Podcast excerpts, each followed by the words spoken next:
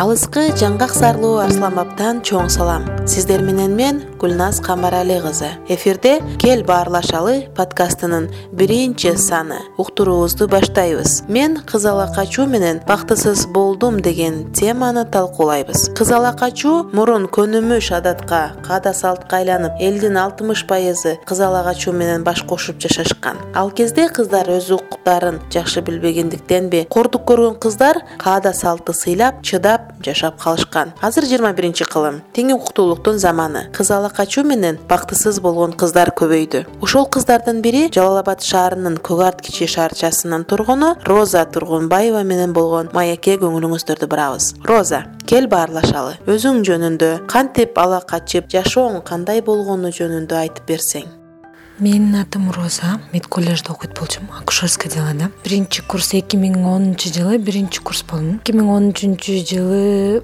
окуп жүргөн эле убагымда март март апрель маалында ала качып кетти. Анан ала качкан жеринде эми кыздарды ала качкандай эле ала качып барып отуруп жаңжал кылып кетем деп эле ата энем келди. Алып кетебиз деп. Анан баланын ата энеси аябай жакшы инсандар болгон экен. Аябай жакшы инсандар болду деле деп айтам. Ошончо жыл жашап алардан жаман нерсе көргөн жокмун. Ошол мурда тааныштыңбы? Же болбосо бир жолу жолугуштуңбу мурун көргөн эмесмин бирок классташымдын группалашынын байкеси болгон экен. Биз классташым экөөбүз жолугушканда баягы досу келип анан мени көрүп каерде окушумду көрүп билип анан байкесине айтып ошентип эле ала качып мынтип көрүп эле ала качышкан экен. Анан ошондо көрдүм. Баласы деле бир жашынакай эле бала эмесе мынчалык болбосо деле билбейм анан ошентип ата энем деле калтырып коюшту. Жакшы экен ата энеси аябай жакшы инсандар экен. Ушундай жакшы инсандардын ата энеси э, баласы жаман болбойт депчи анан ошол менен эле калдым. Кайсыл учурда?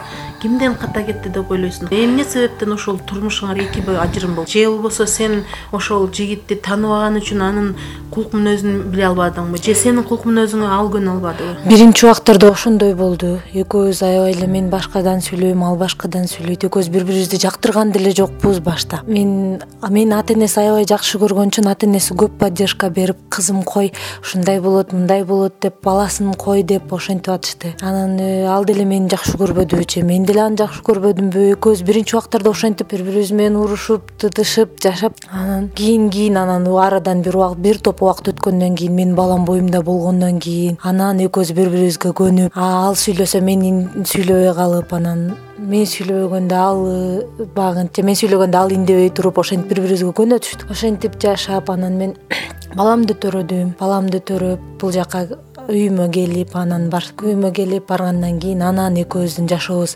реальный жашообуз башталды деп ойлойм да.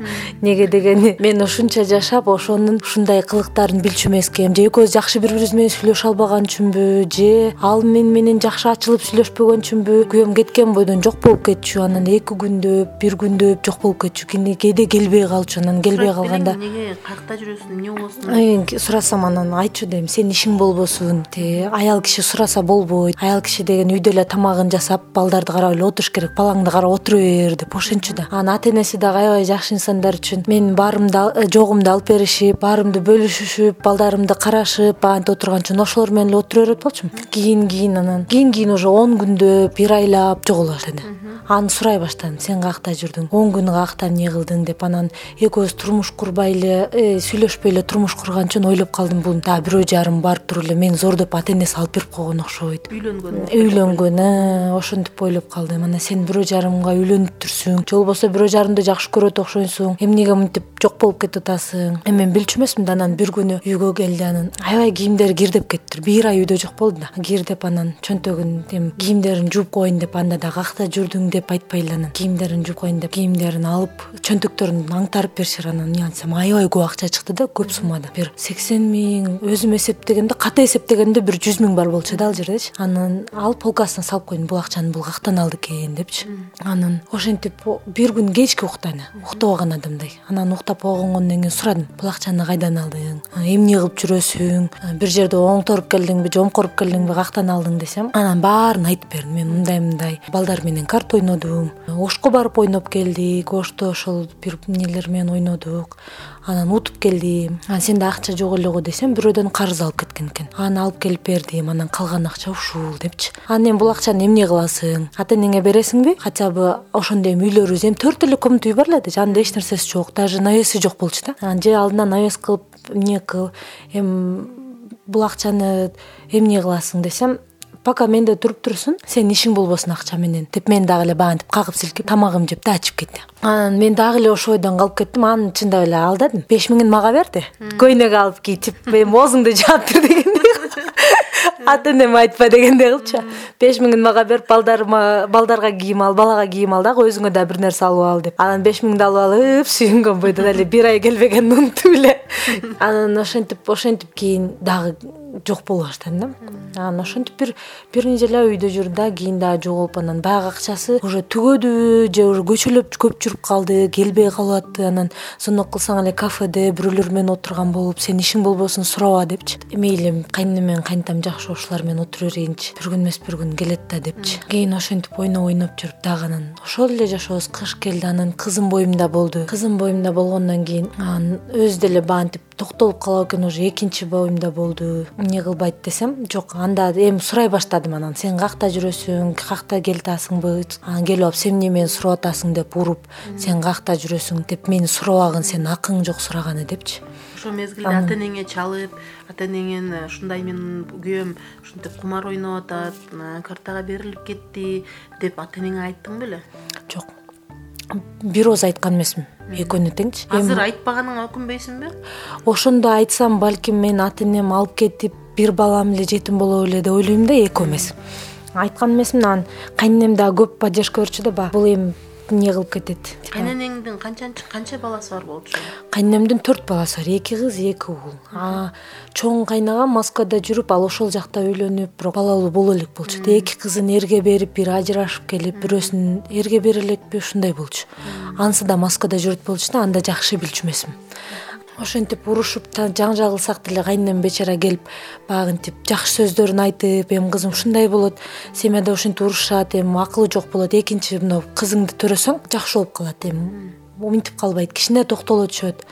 Десе токтолуп калат экен дейм. Он сегиз жаштамын да токтолуп калат экен да деп ойлоптурмун анан жашмын ошентип токтолуп калышын күтүп күтүп күтүп отуруп жыйырма төрткө чыгып турмун токтолбоптур да. Дагы деле ошентип. эмнеден улам сездиң ушу токтолбойт болду деп.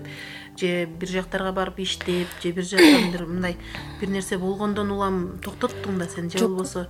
Эмне себеп болду силердин ажырым болуңарга? Ошентип экөөбүз анан кызымды төрөдүм аман эсен кызымды төрөп алгандан кийин анан бул дагы ошентип ойноп жүрө берди кийин кеткен бойдон дагы ойноп аябай көп сумманы ойноп салдым да. Өзүбүздүн машинабыз бар эле бир сегиз миң долларлык эми ал маалда ошол акча жакшы болчу да. Сегиз миң долларлык машинабызды алып барып ломбардка коюп үстүнөн акча ала берген. Аябай эле аябай чукур ойноп салган да анан бул утпай эле уткуза берген ал времядачы анан ойлонуп калдым. Башта бунун утканынын себеби дагы алар кругуна чакырганда биринчи утулуп берип акча карматышып агачы. Анан кийин э, баарын утуп бул ошол машинада машиналарды алып барып коюп анын үстүнөн акча алып аны ломбард бербей койгондон кийин келип бизге машинабыз бузулуп калды жолдо калды мен барып машинаны сүдүрөтүп келе калайын деп кошунабыздын эми кошунабыз кайнагабыз болот кайнатамдын бир тууган экөөбүзчү анан анын машинасын алып кетип аны дагы алып барып ломбардка коюп анын үстүнөн дагы акча алып анан аны эле жөн коюп койбой дагы бир досун алып келип мен ушул машиналарды дагы алып чыгып кетишим керек үйгө бара албайм. Кокуй сен дагы машинаңды мага ломбардка коюп акча алып берип тур деп аны дагы коюп анын үстүнөн отуз миң акча алып ошентип карызга батырып калгандан бир бир айдан кийин звонок кылат башка эле чужой номерчи балаңарды келип алып кеткиле депчи анан кайнатама звонок кылганда кайнатам. «Э, кумарга уктурган акчасы өзүңөр байлап өзүңөр иштетип эмне кылып алгыла? Менин андай балам жок депчи. Десе анан кайненем бечара баягы эле баягы. Эне. Э, экөөбүздүн тапкан эмнебизди контейнерде иштетчүбүз. Ошол жерден тапкан топтогон акчаны алып барып биздин машинаны контейнерден этот ломбардтан чыгарып алып барып машина базарга ал машинаны сатып анан тиги кайнагамдыкын чыгарып ал машинанын акчасына. Анан досунукун чыгарып ал жөн эле ошолорду коюп койбой ошол ойногон адамдарга дагы акча өтүп ойной берет экен карыз карыз болупчу ошолорго бир жетимиш сексен миң акча карыз болуп алардын ал машинаны саткан акчасына дагы ошолорго берип анан эч нерсе өзү жок баласынан анда күйөөм айтты мен болду экинчи ойнобойм ушунча эмнеден чыгып ушунча карызга батырдым ушинттим мынттим деп ыйла бергидей болгон да. Кайнагамдар дагы баягынтип эми машинасын эмне кылганда уткузуп бергенде тиги эми өзүңө кел эми ойнобо деп баягынтип акыл сөздөрүн айтса болду эми ойнобойм экинчи ойнобойм деп баягынткенен анан кайненем бунун чөйрөсү жаман достору жаман бирөөлөрдөн карыз болуп калдык.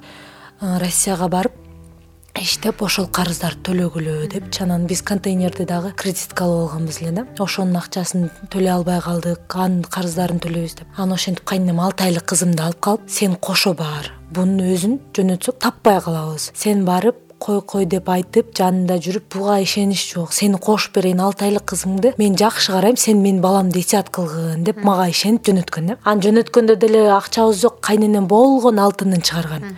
Анан мен болгон алтынымды сатып экөөбүзгө жол кире алганбыз. Жол кире кылып билет алып кеттик анан ошол жакта дагы баргандан кийин бир бир айда мен ишке кирдим. Ал дагы деле ишке кирген жок. Бирок ал ошол бир айдын ичинде өзүнө дагы кесиптерин таап алды. Кумар ойногон балдарды. Москвада дагы. Москвада да. Каеринде казино бар жабы ал жакта бүт закрытый экен да. Каеринде казино бар. Ал антип тапкыча мен айлыкка жетип калдым ал дагы деле үйдө. Кайнагамдар менен чогуу жашайбыз. Айлыкка жетип айлыгымды биринчи алып келип биринчи айлыгыман үйгө салалы шириндик бириндик алып жешсин деп. Көп деле албадым. Бир жыйырма миңдей эле алдым. Анан болуптур деп менден акчаны алды да кеткен бойдон. Жок да дагычы. А көрсө дагы мен бияктан акча тапканча ал аяктан досторун таап коюптур да. Дагы ойноп барып. Ошентип дагы эле ошол эмнеге кирип калдык да. Ошол эле жашоого кирип калдык. Кыргызстандан кеткендей эле жашоочу. Анда эми биякта ата энеси бар үчүн көп нерсе билинбеген экен ал жакта аябай билинди да. Менин тапканымды алып кетип калат. Же өзүң иште деп айтсам өзү иштебейт мен ошол үч жыл индебей бердим. Үч жыл экөөбүз ошол жакта жашадык квартирада жашадык анын айынан кайнагам менен урушуп кайнагам квартирадан чыгарып салды аны. Биз менен жашай берет бар сен каалаганыңды кыл деп барып ойносоң ойноп жүрө бер депчи ал кайра келет? Мен ойнобой калдым болду ойнобойм деп обещать этчи анан кийин экөөбүздү бөлүп чыгарып койт кайнагам. Каалагандай жашагыла сен ошондо дагы күйөөңөн мындай отказ кылбадыңбы? мен ошондо дагы отказ кылбаптырмын вроде жакшы көргөм го эч отказ кылбай. Анан аядыңбы аялдык сезим менен аядыңбы аны же мен балдарымды ойлодум окшойт каяка барам анан ата энеси дагы кетип атканында кызыңды мен жакшы карайм сен баламды эсеат кыл деген сөзүн ойлодум окшойт. Кызымды жакшы карап атат депчи. Кийин ошол менен балдарымды ойлоп ошол жерде дагы дагы эле ошону ээрчип кеттим экөөбүз ошончо иштеп үч жыл индебей бериптирмин да акчамды анан ошондо деле экөөбүз урушабыз. Сен алып барып ал алып барып уткузуп берет мен сен алып барып уткуздуң дейм. Сен мага сүйлөбө дейт экөөбүз дагы эле ошол жерде урушабыз кайра эле кырылышып эмне кылып анан балдарымды ойлоп баягынтип калбады да дагы деле ошентип ойной берди. психологко бир э, атайын өзүнүн немесине алып барып көрбөдүңбү? Мен ошол жерде иштеп жүргөнүмдө бизде бир эмне таня деген эмне бар эле психолог. Көп жылдар психолог болуп иштеген экен да ошол айткан да көөң менен бир күн жакшылап сүйлөшүп отуруп кел мага айтып бересиң эмне деп айтканын деген да анан барып күйөөмдү. Аны ошондо дагы жумушка кирбей үйдө отуруп калган болчу. Мен иштеп барам мен отуз миң отуз беш миң алам. Он миңин квартплата төлөйбүз анан беш миңден продукт алсак он миңин алып барып ойноп келет. Иногда квартплатаны бере албай калып кеткен күндөрүбүз болот. Баягы акчаны алып барып уткузуп бергенден кийин ал утам деп ойлоп кетип калат дагы анан уткузуп бергенден кийин бере албай калабыз да. Анан ошону сүйлөштүм. Сен эмне ой менен барып атасың ал жака? Деп ошол танянын айткандарын айтып сен кандай максатта барып атасың ал жака? десем эртерээк барсак э, отуз миң акча менен эч нерсе болбойт мен отуз миң менен барып бир жүз миң жүз миң утуп алсам дейт. Анан ушунча акчаны киргизип бердим э, ошолорду полный чыгарып анан кийин кетип калабыз деп ошентип айт анан барып таняга айттым да. Жүз миң жүз миң акчаны ушинтип киргизип жүрдүм ошону барып алам деп ошентип атыптыр дедим десем анан и уже ал чыга албайт депчи. Эмнеге дегенде ал жүз миңди сен эми барып айт деди мени. Сен жүз миңди барып алганча андан да көп акчаны киргизип берип атасың сен жүз миңди уткунуңча алып үч жүз миңди киргизип бердиң деп айт деп ошентти анан ага барып сен жүз миң утуп алам деп качандан бери жүрөсүң качандан бери алып барган акчаң уже үч жүз миң уткузуп бериптирсиң сен жүз миңди качан утасың? деп ошентип айтсам жок ошол жерде отургандар беш жүз миң алты жүз миң утуп алышат бир утканда. Ошол мага дагы попал болот деп айтты деп келип айтсам анан. Жок ал психологически аны оңдой албайсың ал уже психологически кирип кетти элестетир өзүн өзү ошентип алдайт экен. Андай адам сени эмес даже өзүн дагы ойлобойт деп ошентип бирок чындыгында ошол айткандай эле өзүнүн миң сомго барып кышта эшикте иштеп миң сом таап келет. Эшикте суукта иштеп. Үйгө келбейт да ошол миң сомучу алган бойдон кетип калат баягы ойногону. Мен бир э, окуя уккам да ошол кумар ойногон бала э, өзүнүн аялын дагы кумарга сайып ошол кумарга уттуруп үйрүп аялын э, ошол аялына ошол кумар ойногон кишилер келип алып кетебиз дегенде ал аялынын бир туугандары акча топтоп алып калган да сенде ушундай коркунуч болгонбу ушул мезгилдерде? Ушул мени дагы сайып үйрөбү деген же ал мезгилдерде сенде андай ой болбодубу менде андай ой болгон эмес бирок мени өлтүрүп коебу деген ой болгон да. Эмнеге дегенде мен зарплатамды алып келгенимде мен бербейм деп уже коркуп калат экенсиң эмнечи акча алгаң деле ушу менден кыйналып тапкан акчамды алып балдарыңа салса билинбейт бир нерсеге иштетсең билинбейт анан жөн эле уткузуп койсо аябай кыйын обидно болот экен да. Анан ошондо мен ойлочумун мени уруп өлтүрүп бир күнү акчамды алып кетип калса эмне кылам деп.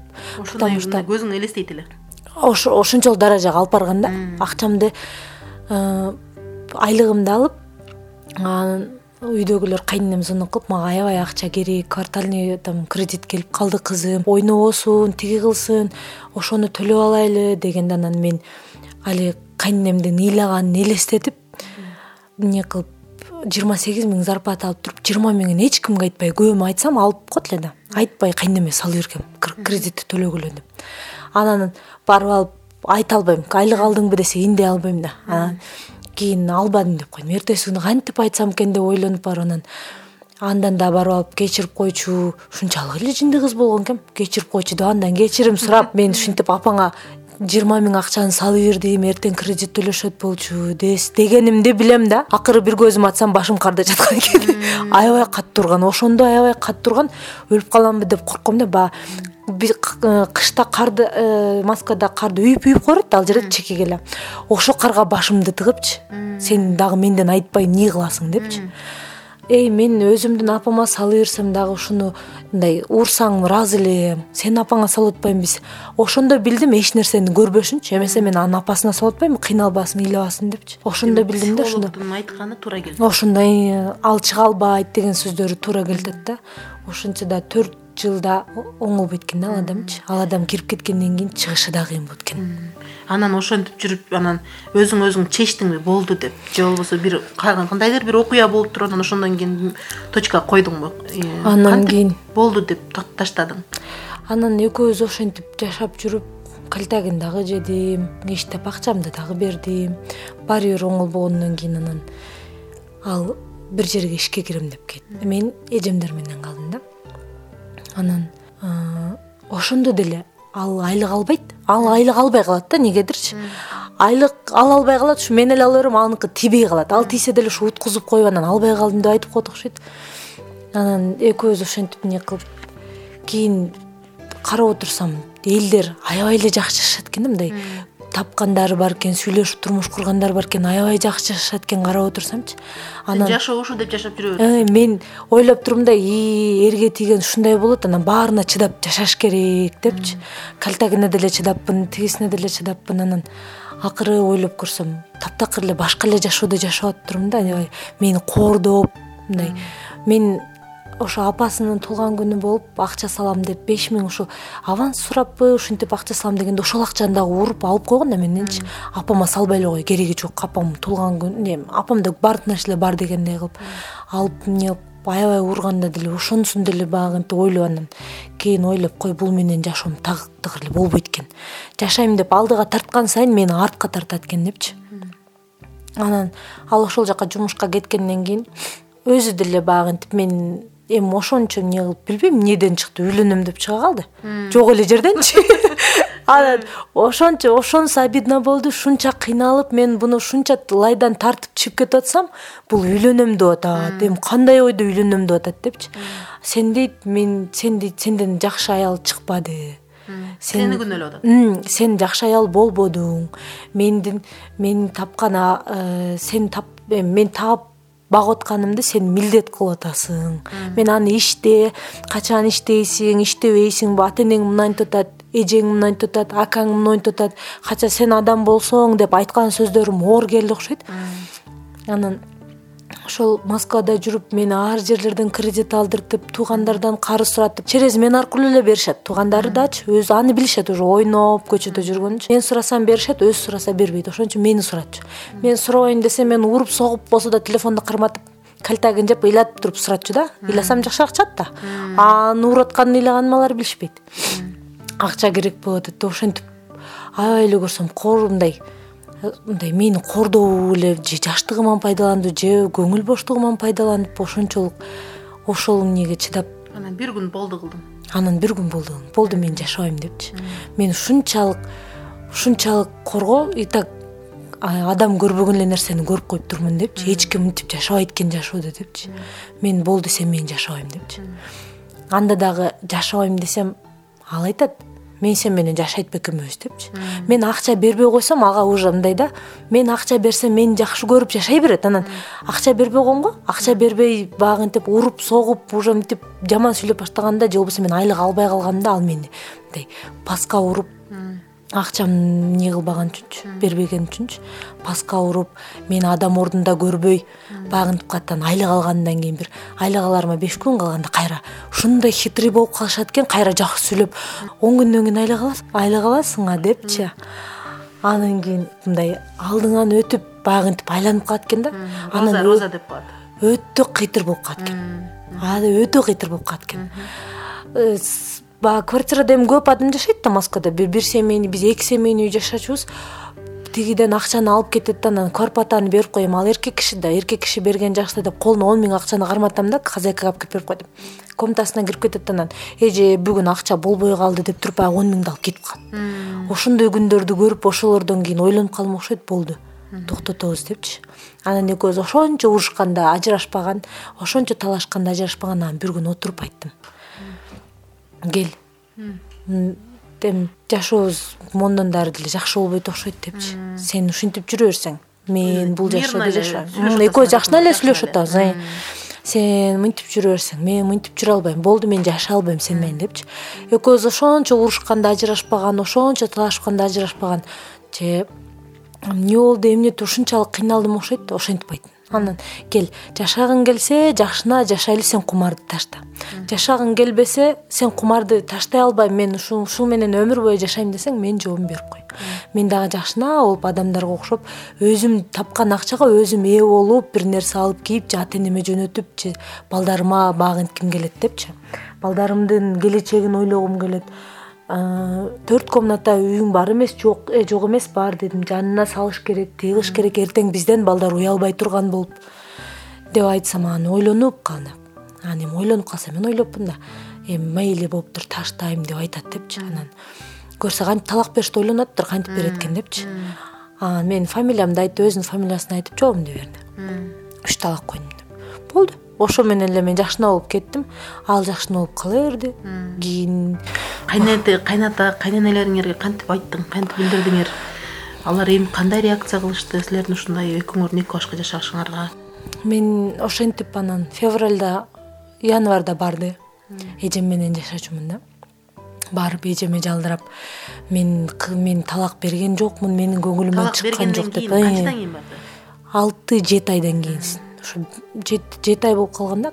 Анан барып эжеме айтып менин көңүлүмөн чыккан жок мен көңүлдөн берген жокмун анан эжем дагы баандайд эми балдарың бар эми кой барып жашап көр таштадым деп атат таштагандыр балким ушул жети айда акылы киргендир депчи.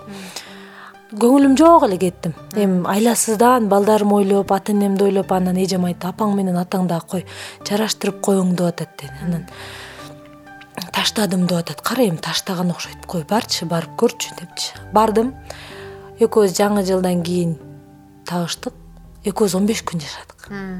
Он беш күндүн ичинде ойногонун ойнобогонун билбейм бирок экөөбүздө жашоо болгон жок да. Жети ай бөлөк бөлөк жашагандан кийинби. Ал менин акчама дагы тийбейм деди айлык алган айлыгына дагы тийбейм. Бирок тийген жок бирок экөөбүз жашай алган жокпуз ал мен отурсам отурганын да жаккан жок турганын дагы жаккан жок дагычы эмесе мурун жагып эле жашап келаткан. Акчамды бербей койсом жактырбадыбы билбедим да? Экөөбүз таптакыр жашай алган жокпуз. Мындай жакшы мурункудай жакшы жашоо болгон жок да урушуп талашсак дагы мурун жакшы жашоо болчу да. Эми ошончолук жаман болсо делечи. Экөөбүз жашай алган жокпуз. Анан мен бияка кыргызстанга келдим. Аны көрсө бизге экөөбүз талак түшүп баягы никеси жок эле жашап жүргөнүбүздүн кесепети окшойт алчы. Анан экөөбүз бири бирибизди мынтип жакшы принимать эткен жокпуз да кийин келип анан кайненемдерге айта албай балдарым ошол жерде ошол жерге барып он беш күндөй жүрдүм.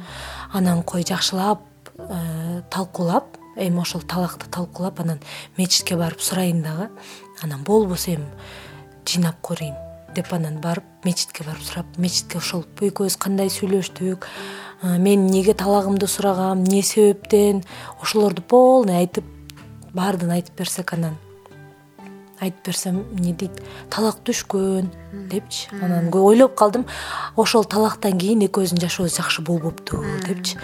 Эми ал нике жок ортодочу анан антип мынтип жашап болбойт. Эми бөлөк бөлөк эле жашагыла депчи. Эми ошентип анан мен апамдардыкына келе бердим ошо менен экөөбүздүн жашообуз деле мынтип эле калды ал деле ал бирок ошол келгенде звонок кылды. Кайненеңе демек сен өзүң айтпадың. Мен айта албадым. Айта албадың. Айта алган жок эч нерсени билдирбей эле кеттиң? Эч нерсени билбедим барып мечиттен сурадым мечиттен ары эле үйүмө келе бердим анан кайненеме эч нерсени айта албадым. Кайненем менен кайнатам аябай жакшы инсандар да эч нерсени айта алган жокмун. Айткан тилим да барган жок. Алар мени жакшы кабыл алышты келгенимде дагы. Анан жакшы эле багынтып атышса кантип айтам аларга? Баласы ошентип атканынчы алар билет. Баласы ойноп баягы интип эмне кылып атканын ушунча жылдан бери кантип кыйналып жүргөнүн. да. Анан мен кызымды үч айлык таштап келип үч жылдан бери барбаганымды билет эмне үчүн бара албай атканымды билишет. Жаныбызда кайнагабыздан карыз болуп ошону төлөй албай бара албай атканымды билишет. Эми баарын көрүп турган кайненем менен кайнатама аны айтыш аябай эле татаал болду да өздөрү кыйналып турса депчи. Ошол мезгилде дагы өзүмдүн ата энемди ойлобой ошонун ата энесин ойлоп турмун да. Баягы эмнегедир ошентип ошол тарапты ойлоп ушулар кыжаат болбосун деп эми карып калган инсандар үчүнчү. Анан ошентип келе бергем. Ошондон кийин ошол ошол бойдон эле ушул жакта жүрөм.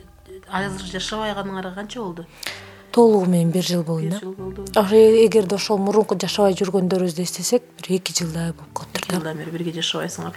Бирок азыр кайненең билеби ажырашканыңарды экөөңөр эки башка жашаганыңарды азыр кайненем билет. Бирок мен баягы элдер ажырашат деп э, ажырашкандарды көрсөм элдер жүктөрүн алып келип баягы интип ортодо урушуп талашышып балдарын талашышып ошентип ажырашат экен да. Биз антип ажырашпаган үчүн билбейм биз мындай жакшына эле сүйлөшүп балдарды дагы экөөбүз баягынтип талашпай эле бала менде калат же сенде калат же мен баламды көрсөтпөй коем деп талаштырбаптырмын ата энеси аябай жакшы инсандар үчүн. чечип алдың ошо баланы? Кандай кылып сен кантип бала кимде калыш керек дегенде? Баланы өзү бала менде калыш керек да эмне боюнчачы закон боюнча энеде болуш керек. Мен талашып алып койсом болот да балдарымдычы мени менен болот балам бала менде калыш керек бала мен менен он сегиз жашка чейин менде болуш керек деп бирок антип алып коеюн десем баягы карыган ата энеси бар үйдө баягы эле баягы анан балдарымдын жарым жарты болуп чоңоюп калышын эстесем аябай эле мынтип кыйналып кетем да анан кой балдарым андан көрө талашып экөөнүн баягы психологический эмнесин бузбайын. Эми мен барып жүктөрүмдү алып келип алар менен урушуп атаң жаман атаң жаман дей берсем балдарды жаш маалынан психологиясын бузуп баягынтип жаман ойдо чоңойтуп койбоюн жүрөгүн кара кылып койбоюн депчи. Азыр балдарым чоң энесиникинде жүрөт кааласа кааласа мени менен келип меникинде жүрүшөт. Кайненем менен сүйлөшкөндө да ошо балдарым кайненем өзү деле баягынтип айткан эмне депчи? Азыр менин көзүм ачык мени менен жүрө берсин балдар. Кааласаң алып кет кааласа сен менен жүрсүн ортодо эле жүрсүн балдарды. Аяка алып барып жарым көңүл кылып бияка алып келип жарым көңүл кылып деп багынтпейли деген анан мен дагы айткам мен дагы балама жамандабагыла балдарымачы мен дагы атасын баласын балдарыма жамандабайм. Силер жактан жаман сөз сүйлөбөйм силер дагы жаман сөз сүйлөбөгүлө биз жактан. Балдар ортодо бактылуу болуп чоңое берсин атам бул жакта апам бул жакта деп. Кийин эсин тааныганда түшүнүшөт депчи. Ошондо эми сенин оюңча эгерде ушул бала менен э, таанышып сүйлөшүп өзүң көңүлүң жактырып тийгенде мындай болбойт эле деп көп ойлоносуңбу эгерде мен мен эгерде ойногонун билгенимди ушинтип мектеп маалынан эле ушинтип казинолорго кирип андай эмнелерге ошондой игровой эмнелерге оюндарга кирип ойногону билгенимде чынында мен бул нерсеге баягынтип эмне кылчу эмесмин да анан бирок ошол группалашымдын классташы деле э, классташымдын группалашы деле билген экен да. Мени таап аткандачы мени таап атканда билип туруп баягы эмне болгон үчүн айтпаган экен. Ал мага айта алган эмес үйлөнсө калып кетер деп э? Алар баардыгы ошо бул үйлөнүп бала чакалуу болсо калып кетер дешкен экен да менин оюм боюнчачы. Анан кайын сиңдим дагы айта албаган экен. Азыр ойлоп көрсөм кайын сиңдим дагы турмушка чыкты ошол э, ал эми мындай жакын эле кайын сиңди да. Турмушка чыккандан кийин биз ажырашып кеткенден кийин анан баягы мени таап мага жазып атпайбы мени кечирип кой. Эми экөөбүз тең куракпыз да. мени кечирип кой мен ошондо э, ошол акемдин кумар ойногонун айтканында сенин жашооңду бузбайт белем. Сен башка бирөөгө тийсең бактылуу болот белең мен турмушка чыктым менин күйөөм андан да хуже чыкты. Мен ал эмесе сүйлөшүп көрүп турмушка барган окшойт мен ойлоп калдым сенин жашооңду бузганым үчүн мага дагы кудайым ошондой жашоо бердиби мени кечирип кой сенин көңүлүңдө бир нерсе калса сенин э, балким жашооң таптакыр башкача эле мен акеме акемдин бир ооз баягы эмнелерин айтып барганыңарда мен тааныйт болчумун да алып качып барганда аны көргөм да. Э, ошондо келгенде эле менин акем кумар ойнойт десем кетип ата энеңе дагы бир ооз сага айтпасам дагы ата энеңе айтсам ата энең алып кетип калмакта сени ата энеси ата энең баягы антип калтырмак эмес ошону айтпай калганым үчүн кечир деп кийин кечирим сурады. Демек сен эгерде күйөөң кумар ойнобосо эле жашап кетмексиң. Кумар ойнобосо менин карабай. менин күйөөм кумар ойнобосо өзү аябай жакшы инсан. Добрый мындай кылгандары неткендеричи бирок ичине бир нерсе кирип алгандай да адамдын ичине бир нерсе кирип алгандай акчаны көргөндө жүз процент өзгөрөт.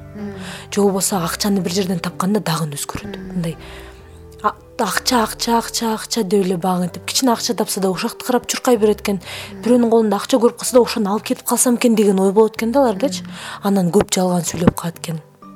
Адамды алдап калат экен. Анан бирөөнүн мындай бирөөнүн эмнеси кызыктырбай эле өзүнүн ошол акча алып алып барып ойногону эле кызыктырып калат экен да. Азыр сен угуп жаткан мисалы кыз келиндер же болбосо ушул сенин ситуацияңа сенин окуяңа кабылган кыз келиндердей кыз келиндер болуп калса эмне деп совет бермексиң эгер ушундай сен алардын күйөөлөрү дагы мисалы ушундай ойноп же болбосо ушундай окуяга туш келип калган кыздар болсо э, чыдап жашай бергиле демексиңби же болбосо жок токтотуш керек демексиңби мен андай кыздарга мен өзүмдү мисал алсам өзүм ойлочумун да эми баягы кээ бир кыздар бар да турмуштан ажырашсам эмне кылам балдарымды кантип багам мен жашап кете аламбы деген суроону бергенчи коркпош керек экен да көп нерседенчи. Мен дагы ошол нерседен көп коркуп ошончолук зулумда калдымбы ошончолук э, токмоктун түбүндө калдымбы күбөмдөнбү эми бул мен ажырашсам балдарым жалгыз калса мен каяка барам. Мен балдарымды кантип багам атасы жок алар мага кандай суроолорду берет андай атадан тарбия көргөн бала жакшы деле болбойт экен да андан көрө эненин жалгыз эмнесин жокчулукту көрүп чоңойгон бала жакшы экен да андай атанын тарбиясын көргөндөн көрүүчү мен айтат болчумун өзүңөргө ишенгиле депчи. Өзүнө ишенген аялдар эч качан бирөөнүн колунда кор болуп калбайт да мен өзүмө ушунчалык ишенчү эмес экенмин ошондойчу. Мен ушинтип өзүмдү өзүм обеспечивать этишиме ишенчү эмес экенмин да.